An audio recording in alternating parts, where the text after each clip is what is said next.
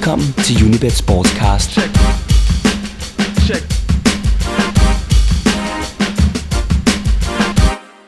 Velkommen til en ny udgave af Unibet Sportscast, der dengang skal handle om Manchester Uniteds spillemæssige krise, om hele Premier Leagues krise, efter det ser ud til, at Champions League kvartfinalerne kan blive helt uden engelsk deltagelse.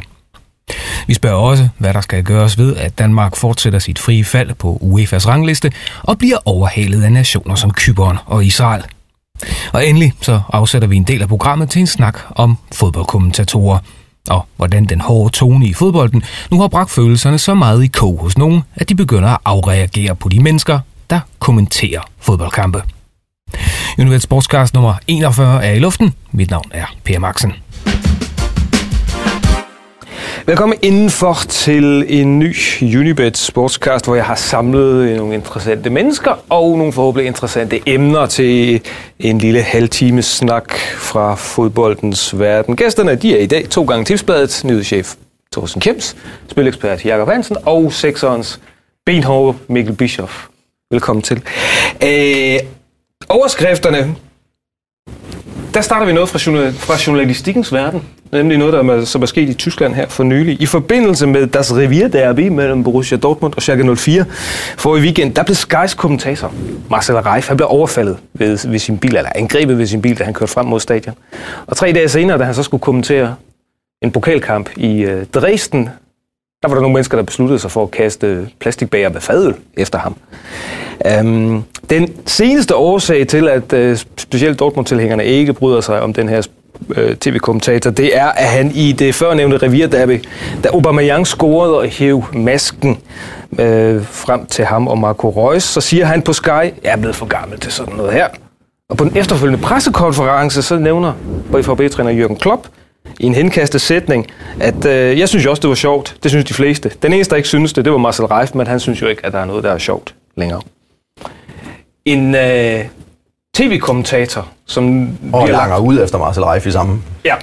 Jeg, skulle, jeg, jeg, jeg, jeg, synes, jeg synes forresten heller ikke, Marcel Reif er sjov overhovedet mere til en klop i direkte på det pressemøde.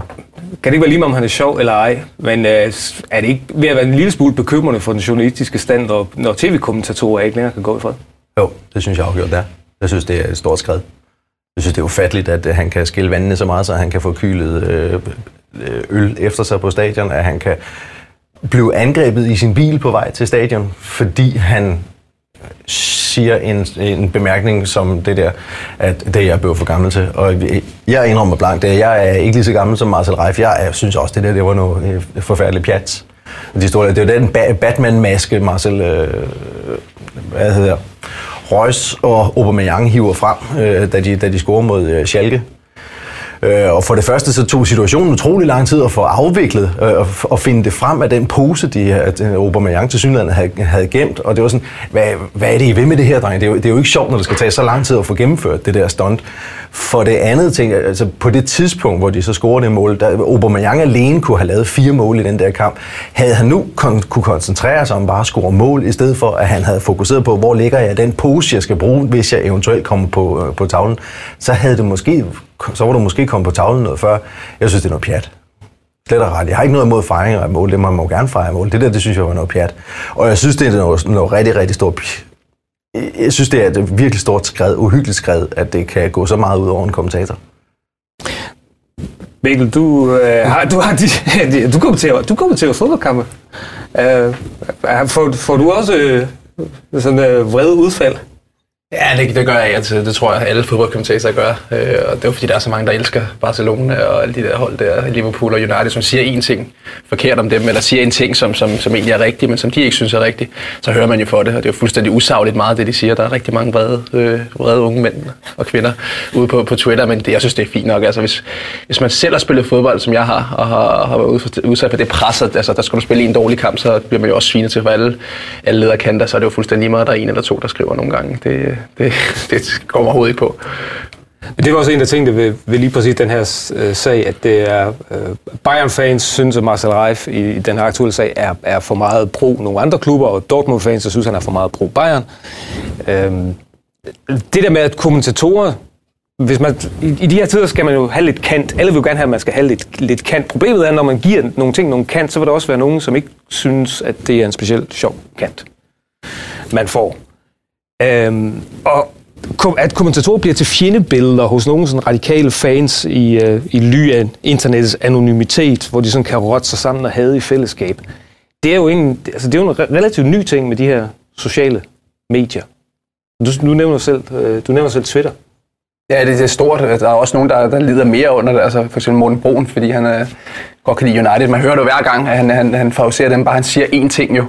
Men om nogen, så tror jeg, at han er hårdere mod United end nogen anden, også i sin kritik af dem, så det, det er måske mere den anden vej, så det, så jeg synes, det er fuldstændig usagligt, men, men folk hører jo bare nogle gange det, de, de gerne vil høre. Øh, så jeg har da også beskyldt mange gange for noget med Manchester City, men jeg er jo fuldstændig ligeglad. Jeg kan sagtens skille de der ting ad. Jeg kan lige så godt være kritisk mod Manchester City. Jeg, altså, jeg kan slet ikke forstå, at, man, at de ikke kan forstå, at man godt kan skille tingene ad, når man arbejder med det, har arbejdet så lang tid med det, så det, det er jo fuldstændig, jeg synes, det er mærkeligt.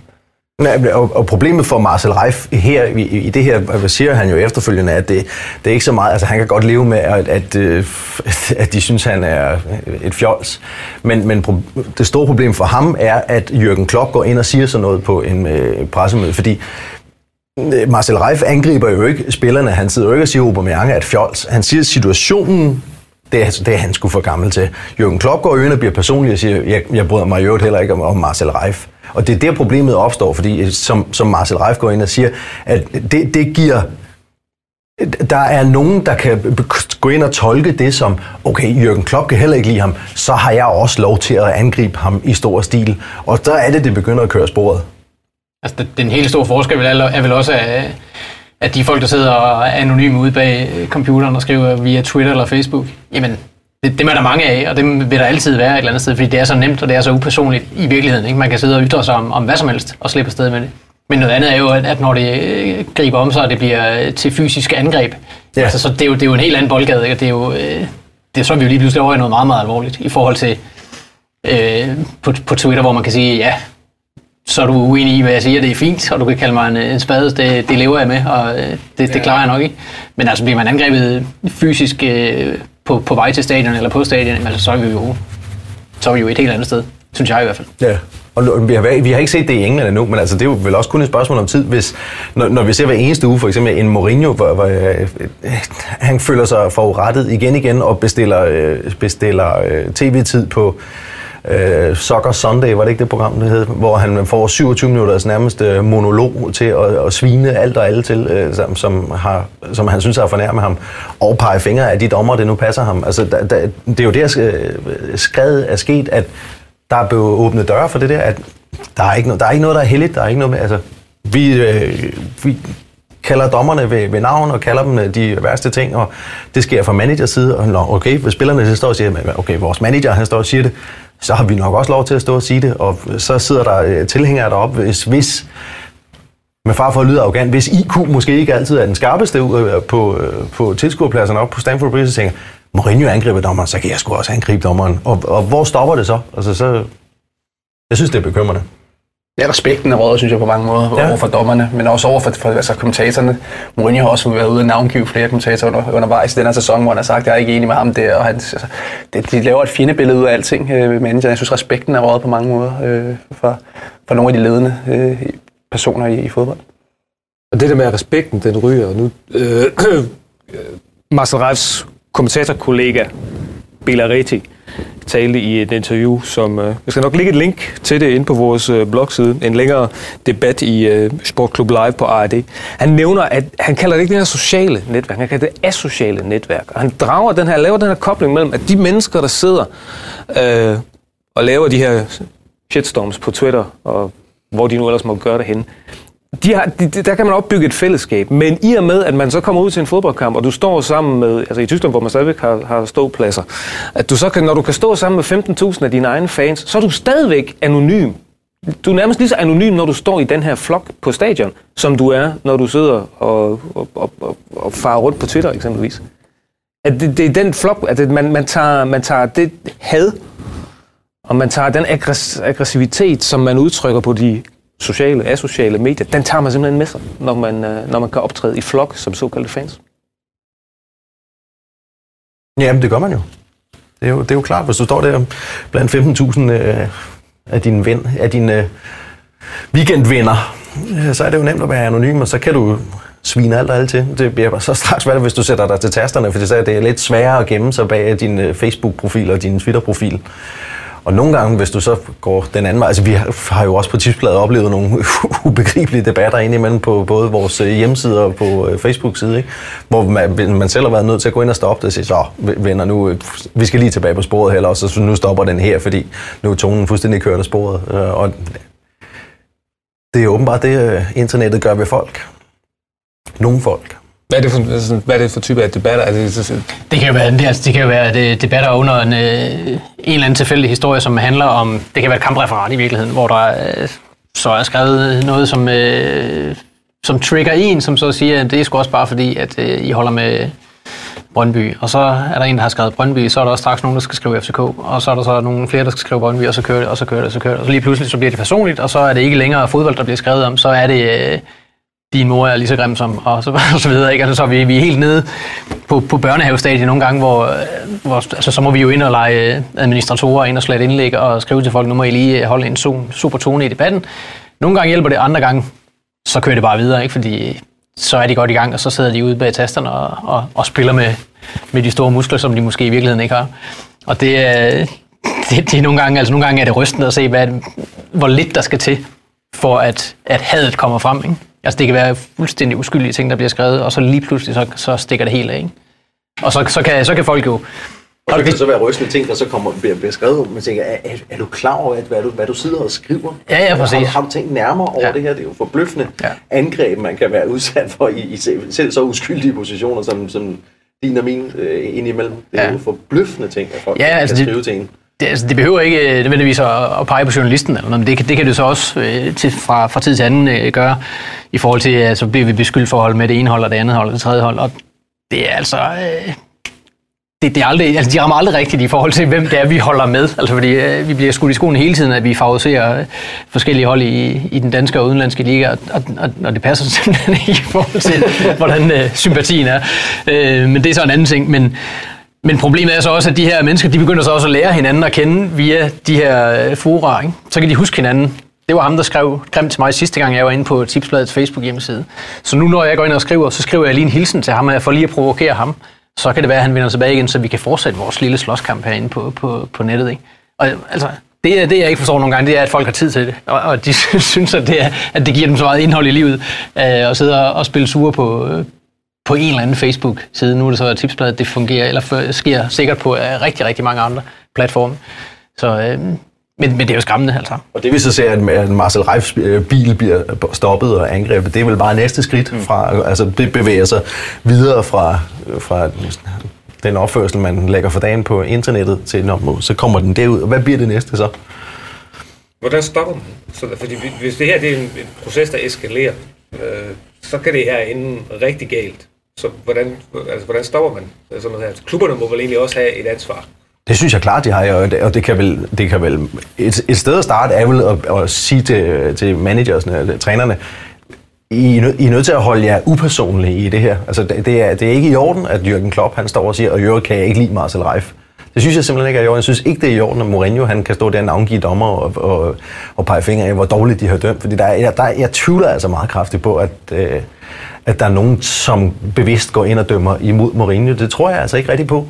Men det gør, har de jo gjort hver eneste gang, han ikke har vundet en fodboldkamp. Øh, det må starte med klubberne et eller andet sted.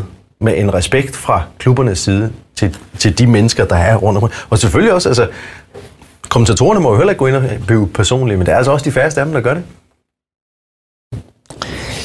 Fodbold er en emotionel sport. Det kan man. Uh, det, det, det, er der i hvert fald, det er der i hvert fald ingen tvivl om. Um, jeg kommer til, jeg mister Jakob Hansen lige om et øjeblik, fordi han desværre skal ud af døren. Men inden du får lov til at gå, så laver vi lige uh, en hurtig gang efter rationalisering, fordi ham Mourinho, du talte om, han har lige tabt en fodboldkamp. Så hvis vi meget hurtigt skal efterrationalisere de fire første øh, Champions League-opgør, hvad siger Hansen?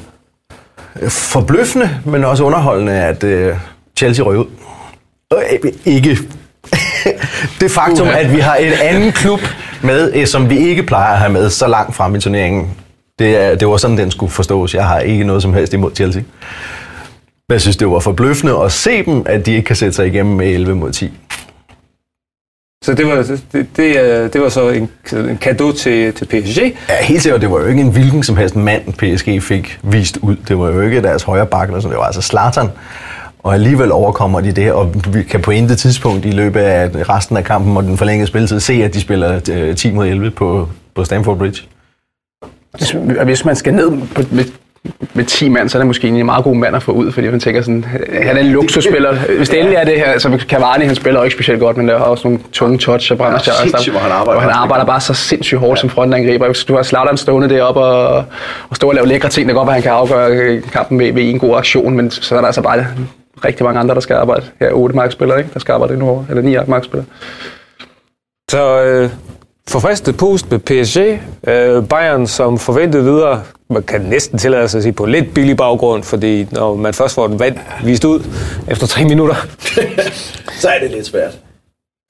på Allianz Arena, ikke? Ja. Og de to øvrige opgaver, var der noget, der overraskede dig?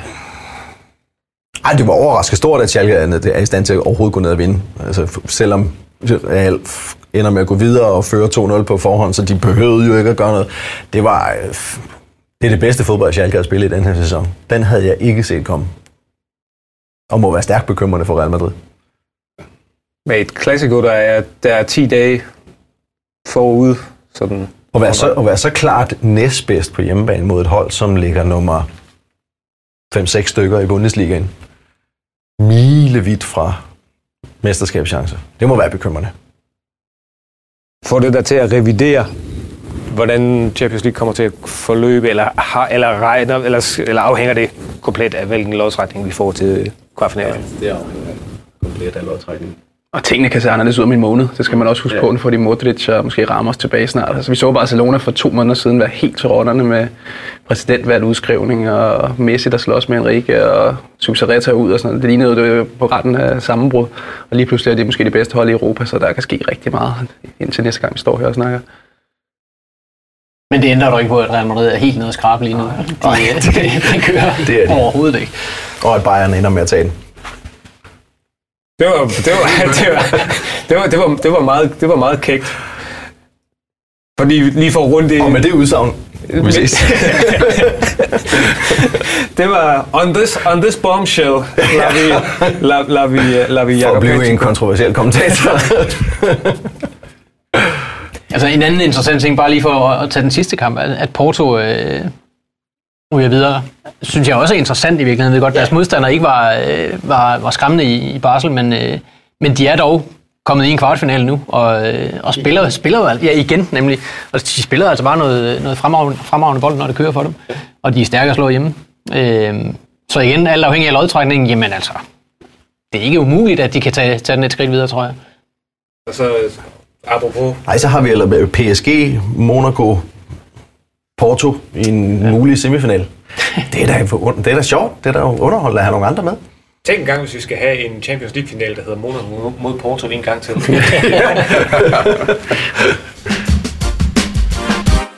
øhm, nogen, som det ikke er gået så godt for, altså øh, meget apropos Champions League, nu er, er Chelsea ude. Der er også en overhængende risiko for, at Manchester City og Arsenal inden alt for længe forlader turneringen. Det ser ikke, det ser ikke fantastisk godt ud for, øh, for, for England. Et andet hold, hvor det ikke ser særlig godt ud, det er, det er den klub, som, som, som Mikkel er efter nærmest hver weekend inde på sekseren. øh, det er Manchester United, fordi under, under Van Gaal, der spiller de faktisk marginalt bedre, end de gjorde under Moyes. Blot er det nu nogle bedre betalte spillere, som gør det. Og i det sidste øh, program, der talte vi om den der overophedede Premier League, der betaler sig øh, fra at gøre tingene ordentligt. Det var noget, du sagde. Og intet sted er det blevet mere tydeligt end i Manchester United. Nej, det må man sige. De har ikke fået særlig meget valuta for pengene. Der er ikke mange af dem, der har leveret. Di Maria er vel det bedste eksempel. Den flopper fuldstændig i øjeblikket og viser ingen ryggrad. Det synes jeg er måske det mest tankevækkende, at du kan være så dyr en spiller, har leveret så mange år på et højt niveau, og så når det går dårligt, så kan du slet ikke hive dig selv op. Jeg synes også, vi så Øsil lidt for, for Arsenal i sidste sæson, når de endelig, når det går dårligt. Altså, der er en brændt det straffespark, Øsil mod, mod øh, var det Bayern, øh, og så kunne han jo slet ikke spille resten af kampen, kunne ikke ramme en mand. Det er utroligt, man kan gå så langt ned, at man ikke har mere ryggrad på det niveau, når man er kommet så langt. Og, og der synes jeg, at nogle af United-spillerne, de hænger virkelig, øh, de, de falder igennem i øjeblikket. Men alligevel får de jo, De hiver jo nogle point hjem, Ja, sted, ikke? Men, men altså, det, er jo, det er jo på yderste mandat gang på gang, og, øh, og, og spillet sejler. Øh, det er, det er oppe bakke, men Og det er nu, vi får svaret på det nu her. Alt det her, man har gået og, og har sagt, kan bære det hele vejen det her, eller hvad, hvad kan de blive ved med at spille så dårligt og få pointene? Nu skal de spille mod alle topholdene på stribe, så, så nu får vi svaret, hvad, altså hvor gode eller hvor dårlige er de. Og jeg fornemmer på dig, og det synes jeg også, at de gange, jeg har siddet og set uh, Lossesbold på sekseren, at du tror ikke, det holder. Nej, det virker ikke sådan. Altså, man kan jo se den positive det, vinkel, der er jo det der med, at, at de, jamen, de vinder kampene, selvom de spiller dårligt. Det er jo, det er jo en positiv branding af det her. Ikke? Og den negative, der er, at, at på den måde må det her helt jo høre op. Men men jeg synes, de har levet rigtig, rigtig godt på, at det her, han har stået fuldstændig fantastisk hele sæsonen. Har vel, synes jeg, har været den, den vigtigste spiller i Premier League i den her sæson. At de, uden ham, hvis de havde haft øh, Arsenals målmand eller Mignolet fra starten af sæsonen, jamen, så er de jo ligget langt længere nede øh, i Manchester United, så, så, så de, de skal tage kamp for, at de overhovedet er i nærheden af noget som helst nu. Øh, den tyske avis Sportbild havde lige for et par dage siden et, det, det, det, de kalder det dyreste krisehold til en værdi af intet mindre end 269 millioner euro. Og det består altså så af spillere, som, øh, som enten sidder på bænken, eller er sendt alle mulige andre steder hen. På den, på, de, på den liste, der figurerer en hulens masse spillere fra Premier League. Øh, Philippe Luis, øh, Vincent Kompany, Bagris Sanja, Og så står tre United-navne. Juan Mata, Angel de Maria og Radamel Falcao. Radamel Falcao, som, som Luis Falcao nu har sendt ned på U21-holdet i Manchester. Der er nogen, der får en oplevelse, når de spiller mod ham. Nogle unge, nogle unge drenge. Jeg tror, det var Tottenham eller sådan noget. Det, Altså, det, det altså, og det her det er jo så et krisehold, et, et decideret flophold, som, et, som, som en magasin kårer. Det er jo ikke hvem som helst, det her. nej, men jeg synes så også, han har været dårlig, Falcao. Men, men, men altså, nu fandt Persi ude, og han har spillet med to angriber hele vejen igennem, og så har han spillet Rooney på midtbanen. Nu sætter han Rooney op i angrebet, det synes jeg er det helt rigtige. Jeg synes også, de skal spille med en angriber og Binger, og så skal de så ikke have Fellaini liggende som tiger, men, men det er tankevækkende. Han aldrig kommer ind Falcao, når de skal jagte mål mod slutningen af kampen, så sætter han alle mulige andre ind. Så, så han er helt, altså, han er helt kørt ud på et sidespor. Og igen er det fantastisk i forhold til, hvor god man ved, han kan være. Ja, ja. Altså, det, det, det er virkelig en, øh, de rute, han har taget. Ja. De store. Men det er måske bare sådan en spiller, som ikke... Øh, han egner sig bare ikke til at spille i, øh, i, i Premier League eller at bo i en engelsk provinsby. Det, det kan meget vel være. Det kan også godt være, at det er også bare, at hvis, altså, hvis du ikke har en manager, der tror på dig, så ved, man kan jo se så mange spillere, som blomstrer under en manager, som er helt væk under andre. Så det betyder også bare, at hvis han ikke rigtig tror på dig, hvis du ikke føler, at han, at han, han, øh, han har tro på, den, på dine evner, og, og lader dig spille på den måde, du gerne vil, jamen, så, så, så kan alle jo se dårligt ud, og det, det er der jo mange, der gør i United i øjeblikket.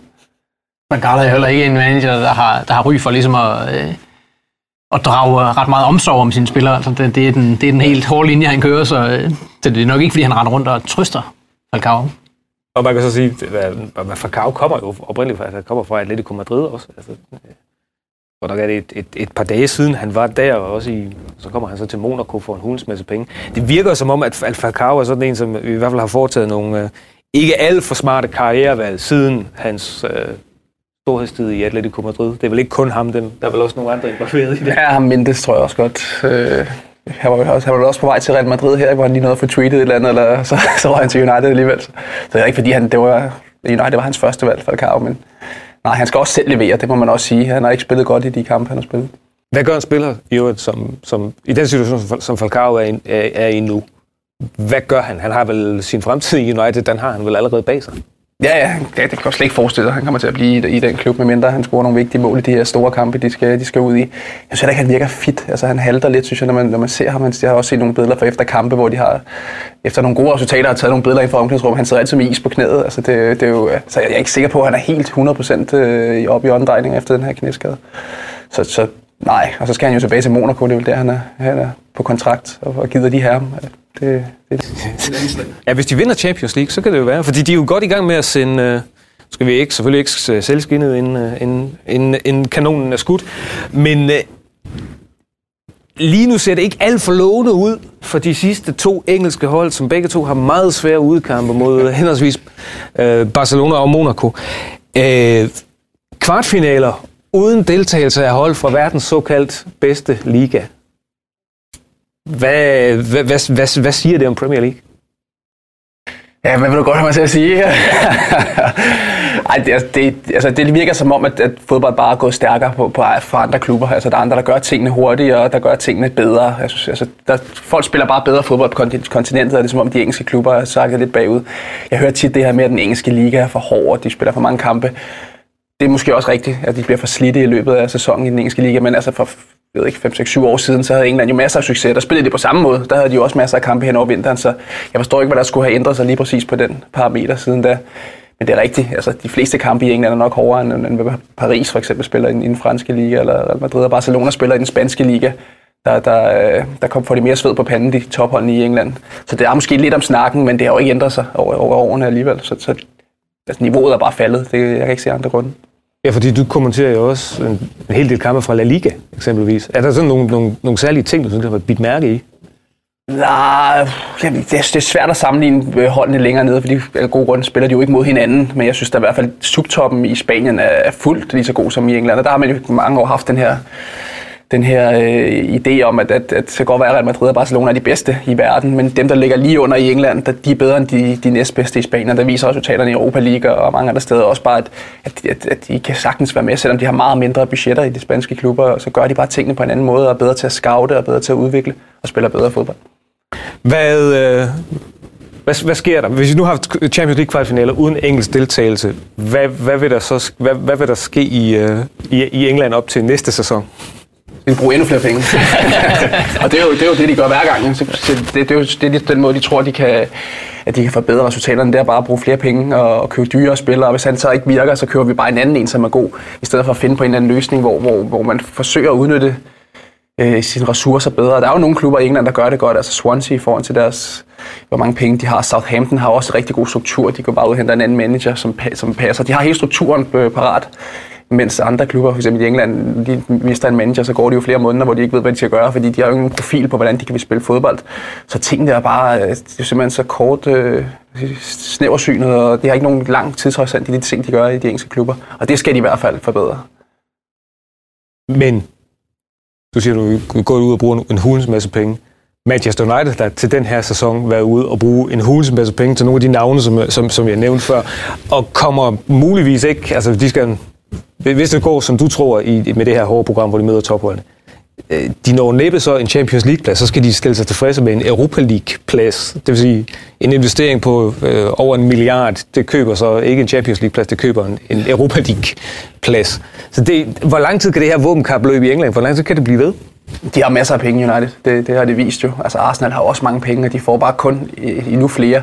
Så de kan jo være med på allerøverste hylde. Problemet er, at, nogle af de bedste spillere, som rører til England i øjeblikket, det er jo også nogle af dem, som bliver afskibet fra de spanske klubber. Altså Øsel kunne ikke rigtig bruges, De Maria kunne måske heller ikke rigtig bruges, øh, Sanchez kunne ikke bruges i, i, Barcelona. Så det er jo nogle gange nogle lidt anden rangs spillere, som, som så skal gøre, at de fører de engelske klubber til et succes i Champions League. Altså, der er bare nogen, der har, der har bedre spillere, det må vi sige. Så er de to spanske har Bayern München er også bedre. De har også øh, en kæmpe økonomi, som, som kan konkurrere med de engelske klubber. Og de gør så tingene rigtigt, Bayern München, i modsætning til de engelske klubber. Men jeg tror, øh, jeg tror godt, vi kan se frem til et, øh, et meget aktivt sommertransfervindue på, på det engelske marked. Fordi der er ikke nogen tvivl om, at der kommer til at ske en, øh, en udskiftning i forhold til, til de spillere, der ikke er slået til, som ryger ud, og, og så skal der hentes nye. Og det skal være i, i, i mindst samme liga, ikke? så der bliver, der bliver vekslet nogle penge. Det er der slet ingen tvivl om, fordi en, en Champions League kvartfinale uden øh, engelsk deltagelse, det er jo det er virkelig, virkelig skidt for, øh, for det omdømme, de gerne vil have, at de er verdens bedste liga. Så øh, der, der bliver handlet. Det, så det er da i hvert fald godt, at de lige har lavet en ny tv-aftale, de så Inden de ud af. Sky er nok ikke så tilfredse dog. Du lytter til Unibet Sportscast med Per Marksen.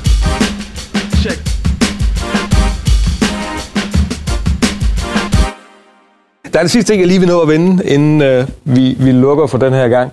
Øh, og det er, at vi, øh, vi, vi i Danmark rasler nedad på UEFA's koefficientliste, og nu rangerer vi lige så lavt, næsten lige så lavt, som Sverige.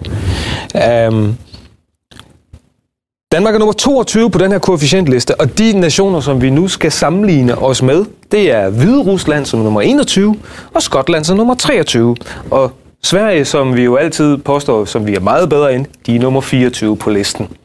Øh, Foran Danmark, der ligger blandt andet Israel som nummer 20, Kypern er nummer 18, Rumænien er nummer 15, og Belgien, som, øh, i, som hvor et enkelt hold slog hele den danske top, de er nummer, de er nummer 10 på den der liste. Så jeg vil lige sådan afslutningsvis jeg lige stange en påstand ud, om at dansk fodbold, det er lige dele flinkeskoler og fantasiland. Der er for, øh, øh, der er for få krav. Der er en overdreven tro på egne evner og formåen, fordi vi kender for lidt til alle andre ligaer end Premier League og Champions League, og betragter de der to som forjættede lande, uden at skele til, at fodbolden mange andre steder har flyttet sig mere markant end i Danmark. Belgiens succes med øh, ungdomsakademier og unge spillere, og oligarkernes indtog over hele Østeuropa. Det er jo ikke, altså ikke kun i Rusland, det er også i Ukraine, Rumænien og Polen, at, at rigmænd de ejer klubber. Så mit spørgsmål det er, hvornår sker der noget radikalt i dansk fodbold, og hvad er det lige, der skal til, for at niveauet bliver hævet bare lidt? Der skal jo, der skal, der skal jo gøres et eller andet inden for, øh, for talentudviklingen i virkeligheden. Ikke? Altså, der, øh, DBU er jo sådan, så, så småt i gang med at få sat et hold, der skal, øh, der skal løfte niveauet med ansættelsen af elitechef og talentudviklingschef og hvad det ellers er, de har, har hævet ind her øh, i de seneste uger. Øh, det er jo et langt sejt træk i virkeligheden, fordi det er jo en erkendelse af, at ja, vi er, vi er dumpet derned, og, øh, og, og den tabel, den lyver jo ikke, som, som andre tabeller ikke lyver, så, øh, så et eller andet er der i, i, i hvert fald i vejen med, med udviklingen af de her talenter. Øh, så er der hele den strukturdebat, som også er i gang omkring øh, den danske liga. Er det, er det der, det er i vejen? Øh, skal, vi, skal, vi, skal vi lave noget om og køre slutspil ind over, eller skal vi have flere hold, eller færre hold, eller, eller hvad er det, vi gør? Øh, hvis man tager Belgien, som, som hele tiden dukker op som, som sammenligningsgrundlag, jamen altså, de har lykkes med, med én ting, og det er, det er den her talentudvikling. Om, om deres øh, snørklede øh, snut, slutspils øh, system dernede, om det er det, der, der ligesom har gjort noget, det er, det er så øh, noget mindre øh, overbevist om, men, men altså hele den her talent akademi tankegang, hvor de har fået bygget øh, en masse spændende navne, og altså nogen er klikket ud, og der er, der er endnu flere på vej. Altså det, det, er, sgu, øh, det er imponerende af så lille en nation, som, som vi trods alt nok burde kunne sammenligne med, men det kan vi så langt fra endnu. Og, der, og det kommer vi ikke til at kunne gøre forløbigt, altså fordi vi bliver nødt til at starte forfra et eller andet sted. Øhm, så ja, men, men, men det, det gyldne svar, det, det blæser et eller andet sted i vinden, for jeg synes, det er svært at pege direkte på, hvad er det, hvad er det der skal til. Men det er i hvert fald mere, det er mere end én ting. Ja, det synes jeg. Ja, det, det er svært, og du har fuldstændig ret i den. En af grundene til, at vi dumper ned, er jo også, at bredden bare er blevet større, som du selv siger. Det er jo også øh, Kazakhstan, der bruger mange øh, penge, og så de kan måle sig med Danmark økonomisk, og de kan lave også lige så gode resultater snart, nogle af de der østlande. Altså, så, så det hele er bare blevet bredere. Det er jo ikke kun, kun de, de øh, andenrangsklubber for, for Spanien og Frankrig, som, som de skal kæmpe mod Europa League, de danske klubber. De skal også kæmpe mod nogle, nogle klubber fra lande, som, som, som, øh, som man normalt vil sige, vi var langt bedre end, men som, som man har bedre hold end Danmark, det må vi bare sige.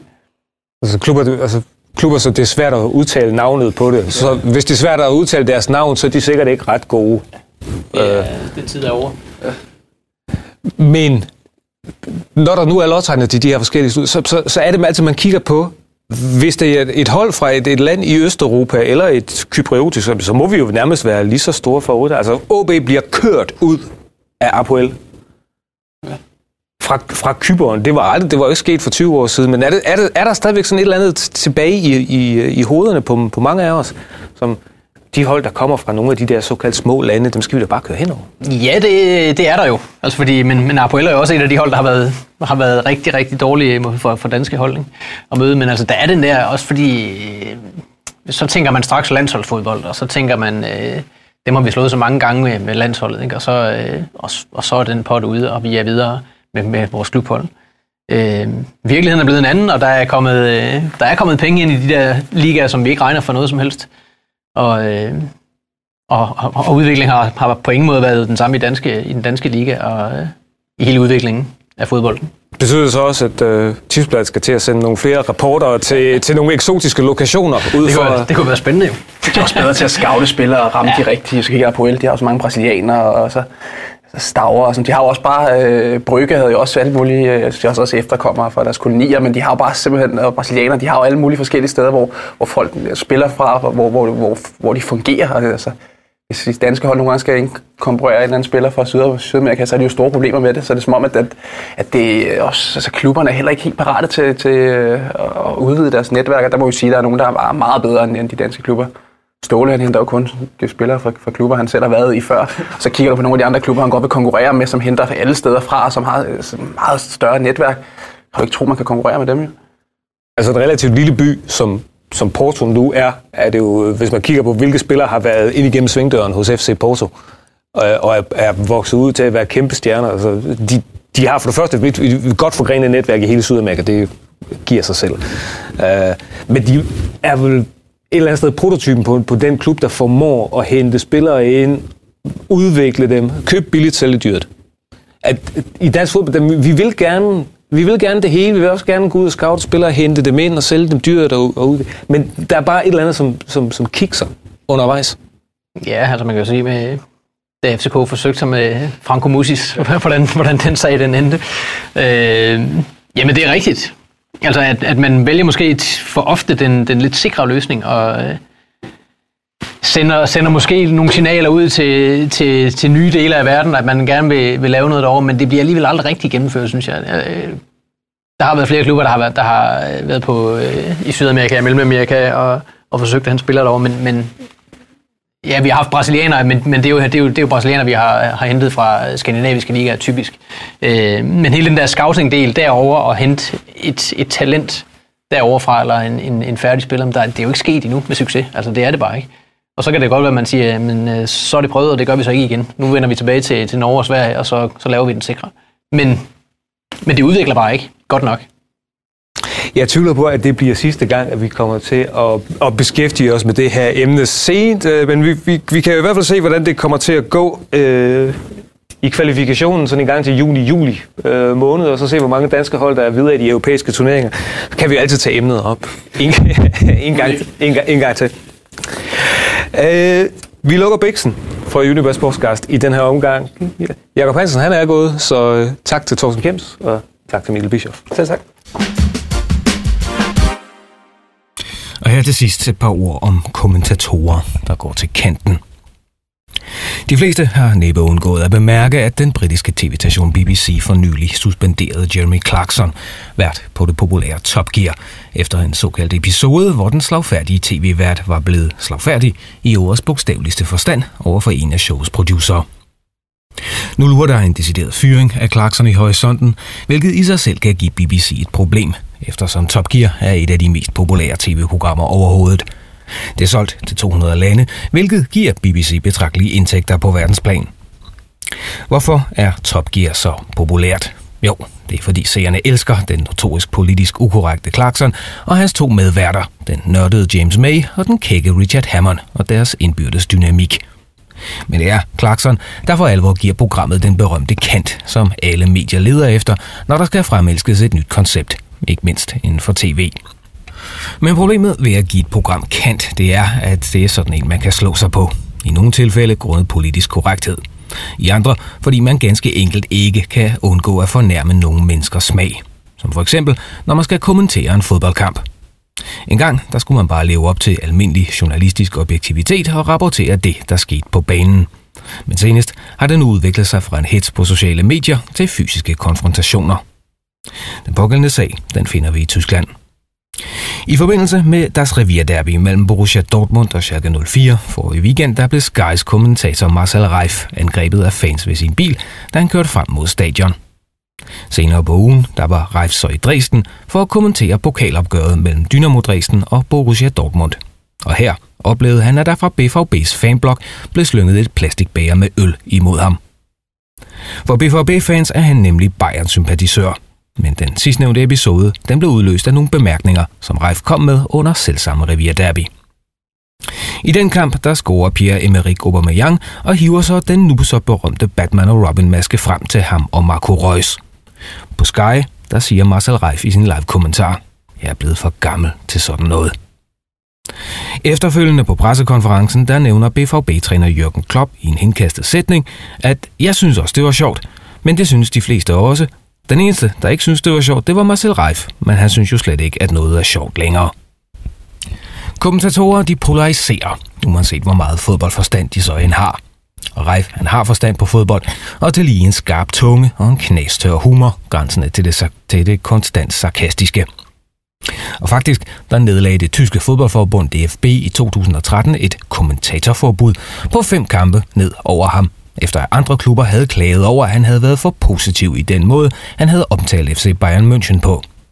Et påbud, som Reifs arbejdsgiver Sky valgte at efterleve. Og derfor så kom man for første gang til at stemple Reif som en Bayern-fan. Også Bayer Leverkusen har helt officielt kritiseret Reif for den måde, han omtalte holdets indsats på i forbindelse med en Champions League-kamp mod Real Sociedad i 2013. Gammelklog, arrogant og opblæst var nogle af de ord, som Leverkusen skød tilbage med. Marcel Reif han er om nogen et symbol på, hvor meget en fodboldreporter kan polarisere. Ikke mindst fordi han i sin værre måde har den der berømte kant – og fordi DFB's kommentarforbud, Leverkusens klage og senest Klopps bemærkninger har været med til at give svage sjæle den nødvendige legitimitet til at skride til de helt igennem uacceptable handlinger over for ham. Hvor kritikken af Jeremy Clarkson i overvis har gået på, at han konsekvent forbryder sig mod den omsaggribende politiske korrekthed, så spalter Marcel Reif nok i en niche, men ikke desto mindre i en, der vækker mindst lige så stærke følelser. Fodbold forbinder, men den spalter mindst lige så meget. Og her, der har man brug for fjendebilleder. Jeremy Clarkson er ikke bare en kendt tv-personlighed. Han er også en eminent historiefortæller med mange dokumentarprogrammer, ikke kun om biler, bag sig. Og med sin slagfærdige humor, der kan han trænge igennem til et publikum, der ikke nødvendigvis ser mange af den slags programmer. Med andre ord, en gave til enhver public service station. Marcel Reif han startede også sin karriere i public service tjeneste, men har i takt med, at rettighederne til fodbold havnede på private hænder, primært arbejdet for de betalingskanaler, der nogle gange har rettighederne til Bundesligaen og Champions League. Men fordi konkurrencen om seernes gunst hele tiden bliver hårdere, er tv-stationerne ganske enkelt nødt til at sætte mere og mere kant på deres stjerner. Derfor skal det være mere end bare en fodboldkamp. Det skal være mere end bare et bilprogram. Det skal være noget tv, som de andre ikke har, og det kræver personligheder med kant. I England har Jeremy Clarkson gennem årene været på en lang rejse mod en fyring fra BBC, i takt med at klagerne over hans sprogbrug af tabloidpressen er blevet forvandlet til den ene skandale efter den anden, alt imens hans million publikum af seere har været bedøvende ligeglade. For dem er de fleste af Clarksons kække one-liners ikke andet end det – One-liners, der er med til at slibe hans karakter som en kantet tv-vært mere og mere af. Det er vel i grunden de færreste, der tror, at Clarkson er skabsracist, lallende nationalist eller noget lignende. Han er i grunden bare en dygtig tv-mand, der har fundet sig sin niche. Ganske som Marcel Reif er en dygtig fodboldformand, der gennem sit ordvalg er vel nok den mest kendte tyske tv-kommentator. Fælles for dem er, at alle i henholdsvis England og Tyskland har en mening om dem. Men hvor Clarkson primært er under angreb i både nye og gamle medier, så har Reif nu fået den fysiske dimension oveni. Det rendyrkede had, der under tiden møder fodboldspillere fra modstanderholdets tribuneafsnit, er nu slået over på i hvert fald en af kommentatorerne. En eskalation, der ifølge Refs kollega fra CDF, Bellaretti, blandt andet skyldes det, han kalder de asociale netværk, hvor anonymiteten beskytter følelserne og gør det muligt, at hadet kan udvikle sig hæmningsløst uden konsekvenser – og i yderste konsekvens bliver en del af den flokmentalitet, der skabes, når mange fodboldfans er sammen i forbindelse med kampe. Hvorfor er vi pludselig blevet så vigtige? Vi taler om at kommentere fodboldkampe, sagde Reif til ARD-programmet Sportklub Live for nylig. Fordi fodbold vækker endnu meget stærke følelser, vil svaret være. Ligesom en journalist på et program fra statsradiofonien i verdens engang største imperium skal veje sine ord på en guldvægt for ikke at komme til at fornærme nogen. Men at gøre det, det vil være at opgive sin kant.